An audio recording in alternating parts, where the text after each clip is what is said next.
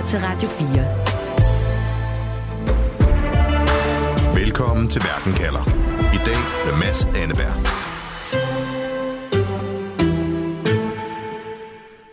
Når der er krig, ja, så er det jo normalt sådan, at de civile kan flygte og komme i sikkerhed et sted, hvor bomberne ikke regner om ørerne på dem. Men sådan er det ikke i Gaza. Siden krigen begyndte, har grænserne været lukket, og to millioner mennesker er spadet inde på et område på størrelse med Langeland. 29.000 er allerede blevet dræbt ifølge Gazas sundhedsmyndigheder, og nu forbereder Israel et angreb, som FN advarer kan ende i et blodbad. Derfor spørger jeg i dag, hvorfor må palæstinenserne ikke flygte? Og hvorfor mener en stor dansk NGO ikke, at grænserne skal åbnes? Velkommen til. Du lytter til Verden kalder på Radio 4. Shadi Lubat, velkommen til programmet. Tak. Hej. Du, øh, du bor i Aarhus og arbejder med IT-infrastruktur og har palæstinensisk baggrund og, og familie i Gaza. Og du har også mistet øh, tæt familie i krigen dernede, blandt andet øh, din fætter og onkel. Lige nu der er det umuligt, øh, Shadi, at komme ud af Gaza. Grænserne mod Israel og Ægypten er lukket. Mm-hmm. Og alligevel så lykkedes de din ene onkel og hans børn at flygte væk fra bomberne og, og kampene. Hvordan det? Ja, ja.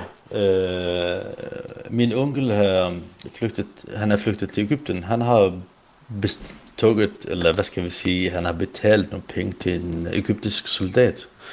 Det kostede ham 6.000 dollars per næs at komme ud. Og selvfølgelig, det er nogle penge, som han har skaffet fra højre og venstre, som vi har også øh, sendt til ham for at støtte ham, så han kan købe med, men han har ligesom skaffet de her store beløb, uh, der, hvad hedder det, palæstinenserne i Gaza, de har mistet alt. Eksempel min onkel, se min onkel, uh, hans hus blev bombarderet, og hans supermarked, og alt det han ejer er væk, så han flygtet med de tøj, han havde på, og hans kone og hans døtre. Og du har altså også været med til at... Øh... Hvor, hvor, hvor, hvor... Og du har været med til at samle ind, simpelthen, ja, så at I kunne uh, samle de her 6.000 øh, dollar per næse. Hvordan fungerer det, Shadi? Altså, går man bare med 6.000 dollar i en brun konvolut og giver til en egyptisk soldat? Nej. Uh, for det første, jeg vidste ikke, at han ville bruge pengene til det der. Uh, det, vi har samlet uh, internt i familie, nogle penge, så vi kan sende det ham, så han kan overleve mm. og, min, og hans kone og hans børn, ikke? så de kan købe mad, så de kan købe tøj, så de kan købe telt eller et eller andet. Så vi skal hjælpe ham. Og vi vidste ikke faktisk, at han var på vej mod Ægypten. Han stod bare og ventede i egyptisk grænse, og der var nogen, som kender en, som kender en, uh, hvad hedder det, uh, det, det er en virksomhed faktisk, som øh, øh, deler øh, de her lister. Hvem kommer ud og hvornår. Og øh, hvad for en soldat de skal snakke med. Det er sådan rigtig korrupt noget, som er rigtig irriterende. Og øh, det var lidt svært at følge med i, hvordan det fungerer 100%. Men jeg er i dialog med min onkel for at ligesom høre, hvordan han, han kom ud. Det var sådan rigtig overraskende for os. Og Shadi, du har stadig en hel del familiemedlemmer i Gaza. Har du sagt til dem, at de skal gøre det samme? Altså, at ja. de skal se at komme i sikkerhed? Nej, det har jeg ikke. Øh, du ved godt, vi, vi vil, øh, altså, jeg vil, fra min synspunkt, vi skal ikke risikere en øh, Nakba 2. Det er i 1948. Ja. Vi har, vi vil ikke risikere et Nakba. Det er det, vi kalder Nakba. Det er der, hvor alle palæstinenser har flygtet i sådan en lignende situation i 1948, dengang israelerne kom til landet. Og det, det har begået masser af massakre. Folk har bare flygtet. Eksempel, jeg kom fra Ashkelon. Mine forældre, de flygtede til Gaza. Okay? Og øh, folk er flygtet bare internt i nogle større byer, øh, fordi de var bange for øh, alle de her massakre øh, dengang. Og nu folk, øh, og de har fået ved øh, i, i dengang, de har hørt fra radioen, jamen jeg må gerne flygte til Ægypten, eller Jordan, eller Libanon. Det er kun to-tre uger, så vender jeg tilbage til Palæstina. Men øh, de sidder stadigvæk i, nu de, de, de bor i øh, Jordan og Ægypten og Libanon indtil nu, efter 75 år. Så Men... vi vil ikke risikere det samme igen, at vi flygter, at folk vil flygte til Ægypten, øh, to-tre uger, og øh, vende tilbage. Der er ikke noget tro på, at der er noget, der hedder vende tilbage. Men altså, er det ikke vigtigt, at din familie kommer i sikkerhed? Er det bedst ikke at få åbnet grænsen, så folk ligesom har en mulighed for at komme ud? Selvfølgelig, selvfølgelig. Altså, jeg, jeg vil, det er ikke, det er ikke, jeg, jeg vil ikke tale øh, til dem på den måde, som jeg taler til dig med nu. Altså, de her tanker, nu jeg sidder i luksus, og sidder og, og snakker, hvad jeg vil og hvad jeg ikke vil, hvad jeg ønsker og hvad jeg ikke ønsker, de har ikke det samme luksus som mig. Så de gør, hvad de synes er bedst for dem. Og det er ikke noget, vi presser dem til. Altså, når jeg øh, master. øh, øh, min masters, øh, hvad hedder det, mand, han fik en kugle i hovedet af en israelsk sniper. Og han lå der i tre uger i øh, Gaza og i ventelist, hvor han vil komme ud til Ægypten, så han kan øh, hvad hedder det, blive opereret i Ægypten. Og øh, eksempelvis så, sådan en situation, jeg vil gerne støtte dem og, om at komme ud, men øh, meget tydeligt og hjælpe dem med at komme ud ved at sende dem nogle penge eller snakke med nogen, som jeg kender, som eksempel øh, vil også hjælpe dem økonomisk eller noget. Men øh, de andre, ja, jeg, jeg, jeg blander mig ikke sådan noget øh, i det her, faktisk. Jeg synes ikke, at de har den luksus, at de kan vælge om, at de skal flygte eller ikke flygte. Shadi Lubat, altså oceaner og IT-arkitekt med palæstinensisk baggrund og familie i Gaza. Mange tak, fordi du vil være med på programmet. Selv tak. Du lytter til Verden kalder på Radio 4. Ja, Shadi Lubats familiemedlemmer er langt fra de eneste, der har søgt tilflugt i byen Rafah, tæt på grænsen til Ægypten.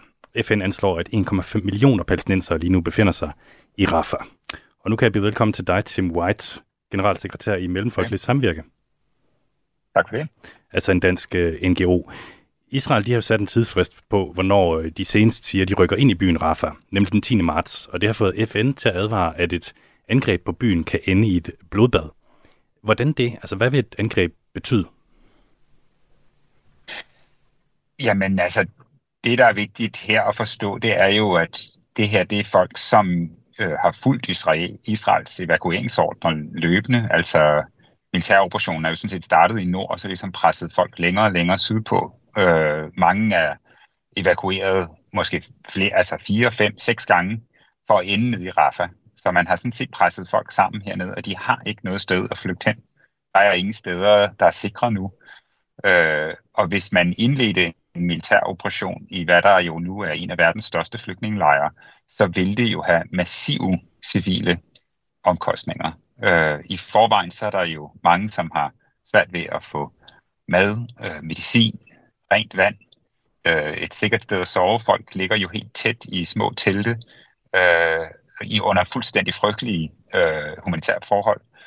Øh, og det siger sig selv, at øh, angreb med, med bomber og, og militær øh, køretøjer, våben, tanks osv. ind i sådan et område, øh, vil være ja, altså fuldstændig uoverskueligt. Og det er jo også derfor, at hele verden jo øh, øh har øh, gjort klart, at, at det fraråder man på det, Israel på det stærkeste øh, i at gå ind og, og, og gøre. Jeg skal lige se, om vi har øh, Sune Havbølle med, mellemøstforsker og professor i globale studier på Roskilde Universitet. Sune, kan du høre os? Ja, goddag. Goddag, velkommen til programmet. Tak. FN anslår altså, at 1,5 millioner palæstinenser lige nu befinder sig i byen Rafah, og det er jo faktisk størstedelen af befolkningen i Gazastriben. Øhm, Tim White er lidt inde på det her, men hvorfor er det lige der, de er søgt hen? Ja, det er jo fordi angrebene har presset civile længere og længere sydpå, og det har Israel jo sådan set beordret dem til med flyvesedler og øh, direkte ordre og også, øh, hvad skal man sige, rå magt. Øhm, øh, så nu, nu er de fleste der, og, øh, og Israel taler jo så nu om øh, to muligheder. Øh, de havde i møde i deres øh, krigskabinet øh, i går, og, og taler om for det første, at øh, operationen kommer til at ske, altså angrebet på Rafah kommer til at ske. Øh, de har stadigvæk det her mål om at øh, ødelægge øh, Hamas helt og få det, de kalder en total sejr.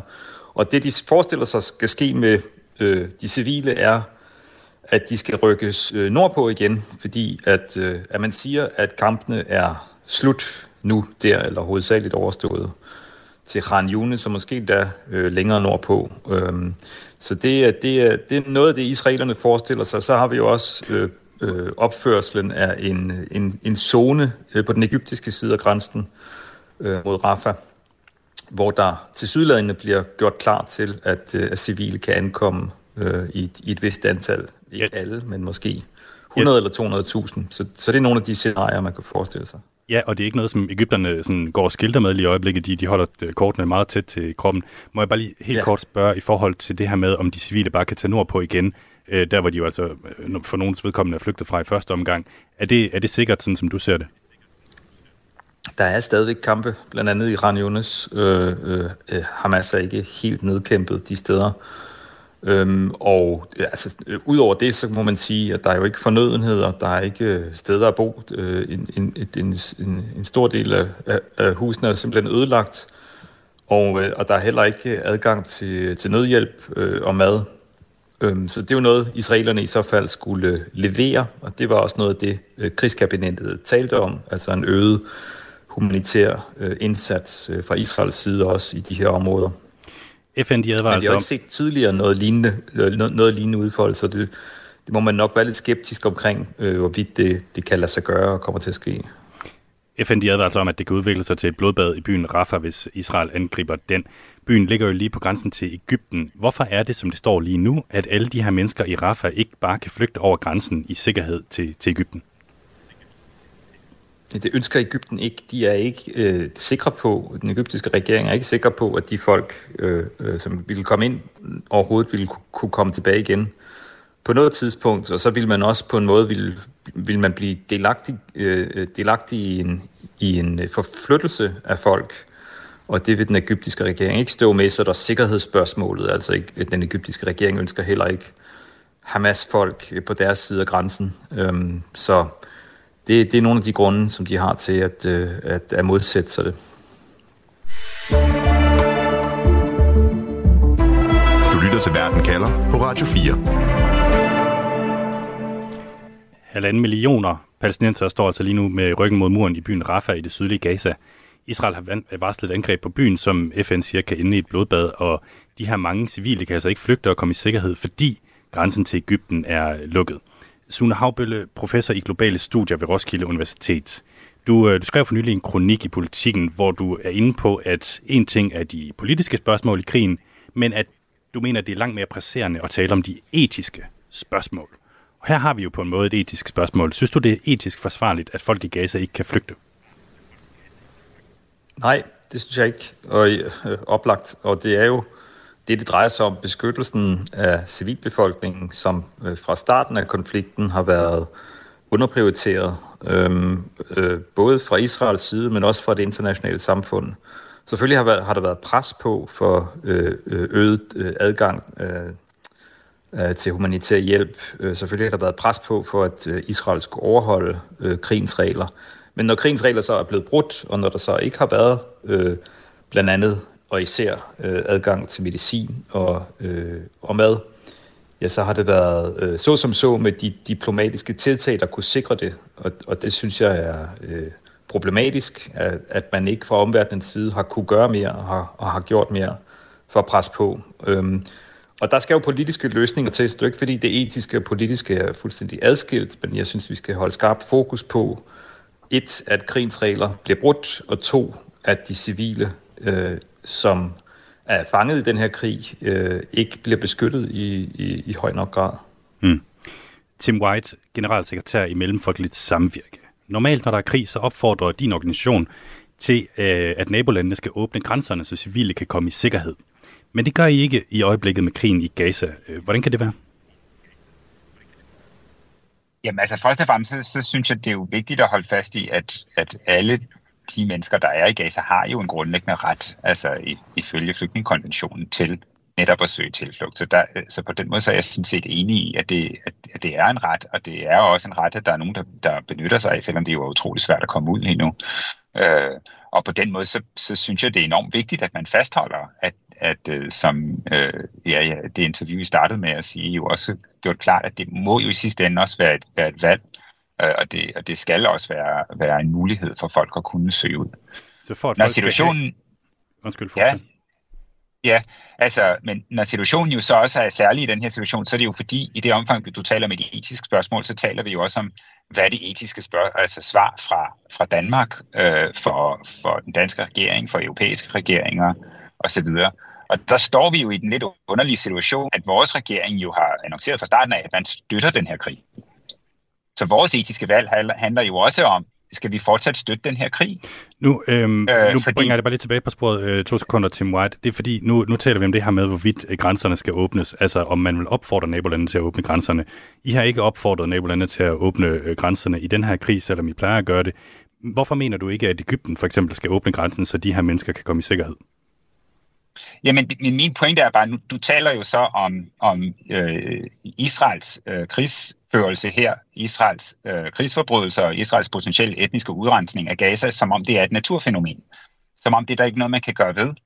Det her, det er ligesom solen går op, og så sker sådan noget her i Gaza, og så må det påvile Ægypten og Europa og alle andre ligesom at rydde op efter Israel. Og der siger jeg bare, jeg synes, man, man ligesom kun kigger på den ene halvdel af, af, af regningen, hvis du ligesom gør det op på den måde. Fordi Israel er jo forpligtet til at beskytte de her mennesker. Det er Israel som besættelsesmagt, som krigsførende nation her, der har en forpligtelse til at sikre, at de her mennesker, de lever. At de har de grundlæggende forudsætninger, mad, medicin, husly øh, osv., selvom de er fanget midt i en, krigsførsel, eller en, en krigssituation. Og der, det... der, øh, og der synes jeg bare, at hvis, hvis man så siger, jamen nu, nu, det er der ikke noget, vi kan gøre noget ved. Vi må bare acceptere, at Israel gør, som de gør. Men ikke nok med det, vi må sådan set også fortsætte med at have våbensamarbejde med Israel. Vi må fortsætte med offentligt øh, indgang i, fra den danske regerings side og kalde på en våbenhvile. Så er man jo, hvis vi nu taler om det som et etisk spørgsmål, jo også etisk ansvarlig for, at man på den måde medvirker til en etnisk udrensning af Gaza.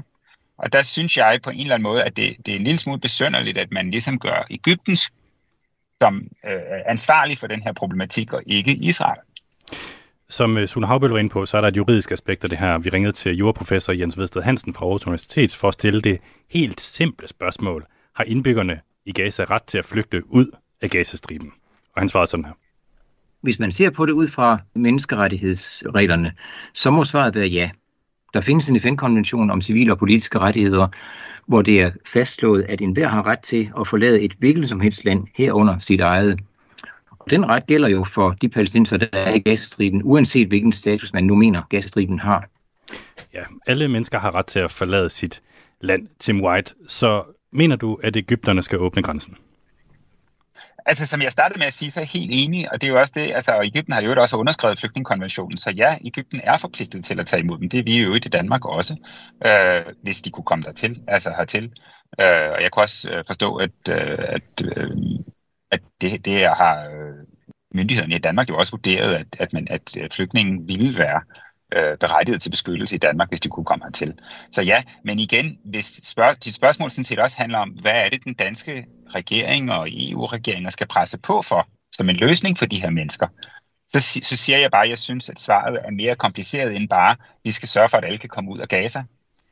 Fordi det, det frikender i virkeligheden Israel for deres ansvar, og så gør man sig jo på den måde også medskyldig i det, som der er mange, der har frygtet fra starten af i den her konflikt, at det bliver en, en undskyldning for at bedrive etnisk udrensning af Gaza. Men det her, det er jo en, det er jo en, en teoretisk øh, politisk diskussion, som, som er øh, absolut relevant at have. Men lige nu, der står vi også bare i den situation, at der er nogle civile, som øh, risikerer at dø, og som man kan, altså som det vi diskuterer i det her program, det er, skal de have lov til at komme i sikkerhed. Så hvordan kan det være, at de ikke har opfordret Ægypten til at åbne grænsen, så at menneskerne, der bor i Gaza, kan komme ud derfra? Jamen igen, fordi at, at, at det, det, der jo egentlig er årsagen til, at de overhovedet står i den situation, er noget, som vi har indflydelse på. Altså det spørgsmål er, hvordan vi bedst sikrer beskyttelse og sikrer de grundlæggende rettigheder for de her mennesker. Så, så, altså, så står vi i en situation, en anden ting er, du ved, hvad vil Ægypten? Så, så kunne man overveje, kan, kan Europa gøre noget mere? Kunne man lave en direkte luftbro og prøve at få folk ud? Har også været diskuteret. Øh, og det synes jeg er værd at diskutere, men igen, der er jo en mere nærliggende måde at arbejde med det. Det er, at hvis Europa sammen gik ud og, ud og sagde, hvis I begynder at angribe en af verdens største flygtningelejre nu, så vil EU sanktionere jer. Det er jo det, vi har gjort over for Rusland og andre lande, og det er mig en lille smule uforståeligt, hvorfor det er, at lige præcis Israel skal have lov til for åben skærm at begå krigsforbrydelser, uden at stå over for de sanktionsmuligheder, som Europa har gjort gældende over for andre lande, der i lignende situationer har øh, begået øh, øh, krigsforbrydelser. Men det tror jeg heller ikke, der er nogen her i programmet i hvert fald, der mener, at, øh, at de skal. Men, men nu brugte du øh, det her billede om, at det, det er et naturfænomen. Lad os, lad os bare lige antage, at vi har at gøre med en, med en skovbrand. Selvfølgelig vil du jo øh, slukke, prøve at slukke branden, men du vil jo også evakuere de mennesker, der risikerer at komme til skade. Hvorfor skal vi ikke bare gøre begge dele? Min pointe er, at vi gør ikke den ene af delene. Hvorfor skal altså, vi ikke gøre begge dele? Ja. Jo, men så gør du jo kun den ene af tingene. Altså, hvis, hvis, hvis, hvis den danske og den europæiske politik på det her område er, øh, vi vil fortsat støtte Israels krig, vi vil fortsat have et våbensamarbejde med det, på trods af de øh, øh, åbenlyse øh, juridiske udfordringer, der er i det, og samtidig så vil vi hjælpe de, øh, befolkningen i Gaza med at komme ud, så gør man sig jo medskyldig i etnisk udrensning. Sune og det, og det synes jeg, det synes jeg er problematisk. Altså det, det er, det, hvis, igen, nu taler vi om det etiske spørgsmål, og jeg vil gerne igen sådan set sige, at jeg er enig med dig i, og i at, at det er klart, at den grundlæggende ret til at kunne søge asyl, den har befolkningen i Gaza, og den bør de også få adgang til at benytte sig af. Men for os som land og for Europa som, som en, en Israels vigtigste handelspartner, så er det jo også, også øh, magtpålæggende at forholde os til, hvad det er, Israel gør. Sune Havbølle, nu hiver jeg lige dig ind i diskussionen. Jeg ved ikke, om det er dig, der, der står et sted, hvor der bliver åbnet ja. og lukket døre. Øhm, vi, ja, hører her, det det. Ja, vi hører her argumentet om, at det handler om at få stoppet krigen, og ikke om at få de ja, det, det, det siger Tim White selvfølgelig ikke, men det handler primært om at få stoppet øh, krigen for, øh, for, for Tim White. Hvad, hvad tænker du om det argument, det du hører her? Ja, men det er jeg enig i. Det, det, har, det har det gjort for mig egentlig fra starten af. Fra starten af, hvor vi så øh, så voldsomme øh, øh, civile tab og, og trusler om flere civile tab og fordrivelse, så synes jeg, at det skulle være det politiske, øh, politiske omdrejningspunkt for den måde, vi, an, vi, vi anskuer, hvad der foregår på. Øh, og det er rigtigt, der er et øh, dilemma, også, også retsligt dilemma i, at Ægypten modsætter sig øh, at, at modtage, men det er jo realpolitik, som jeg, som jeg fortalte om før. Altså e- Ægypten har sikkerhedsinteresser, og de har også øh, en politisk øh, interesse i at undgå at, at fremstå som medskyldige i det her, og det er simpelthen derfor, de, øh, de modsætter sig det. Man kunne også øh, se på det på en anden måde og sige, hvem er, hvem er den mest oplagte nabo til at tage imod øh, flygtninge og beskytte dem. De ville, de ville være Israel. Altså Israel er krigsførende part. Det er dem, der har startet krigen. Det er dem, der før krigen på den her voldsomme måde. Man kunne godt oprette øh, modtagelseslejre på den israelske side øh, af grænsen til civile, øh, hvis man var interesseret i at beskytte dem. Øh, og det, det, det er også blevet fremført, det argument. Øhm, og altså, det er, jo, det, er jo, det er jo noget med at tænke lidt ud af boksen, som Tim også siger, i stedet for at, at, at blive ved med at sige, at Israel har ret til at beskytte sig, øh, sit land, og de har ret til at føre den her krig. Øh, Øh, og de skal i øvrigt øh, øh, opfordres til øh, ikke at, øh, øh at overtræde øh, krigens regler. Så sige, jamen, der, der foregår rent faktisk krigsforbrydelser, øh, og der foregår en fordrivelse øh, af civilbefolkningen, og det skal stoppes, og det skal vi øh, øh, bede om direkte og, og påpege, at det her det er i strid med øh, folkeretten, hvad der foregår. Øh, det, det, det, det, det, det, det er der, hvor vi prøver at få flyttet samtalen hen. Øh, Øh, og det, det er ikke rigtig lykkes i forhold til vores øh, politikere i Danmark, men andre steder i Europa er den på vej derhen. Øh, også i nogle af de regeringsførende partier, ikke kun i oppositionen. Det har vi blandt andet set i Spanien, øh, Irland og Norge øh, med, med mange af de samme argumenter, som vi har fremført her. Så det er ikke politisk komplet umuligt at forestille sig, at det også kunne blive tilfældet i Danmark, og måske kunne blive EU's politik. Lytter til Radio 4. Siden krigens begyndelse er Gazas indbyggere altså rykket længere og længere sydpå for at undgå israelske bombardementer. Størstedelen af dem, cirka halvanden million, befinder sig nu i den sydlige grænseby Rafah, hvor Israel har varslet et angreb, som FN siger kan ende i et, øh, i et blodbad. Og de er bogstaveligt talt kun et par kilometer fra at være i sikkerhed, men grænsen til Ægypten er lukket, og derfor så kan de ikke flygte. Og øh, Sune Havbølle, professor i globale studier ved Roskilde Universitet, og Tim White, generalsekretær i Mellemfolkeligt Samvirke. I skal begge to have mange tak, fordi I vil være med i programmet i dag. Ja, selv tak. Selv tak. Programmet er sat sammen af Stine Krohmann Dragsted og mig selv, Mads Enneberg. Vores redaktør er Camilla Høj. Du har lyttet til en podcast fra Radio 4. Find flere episoder i vores app, eller der, hvor du lytter til podcast.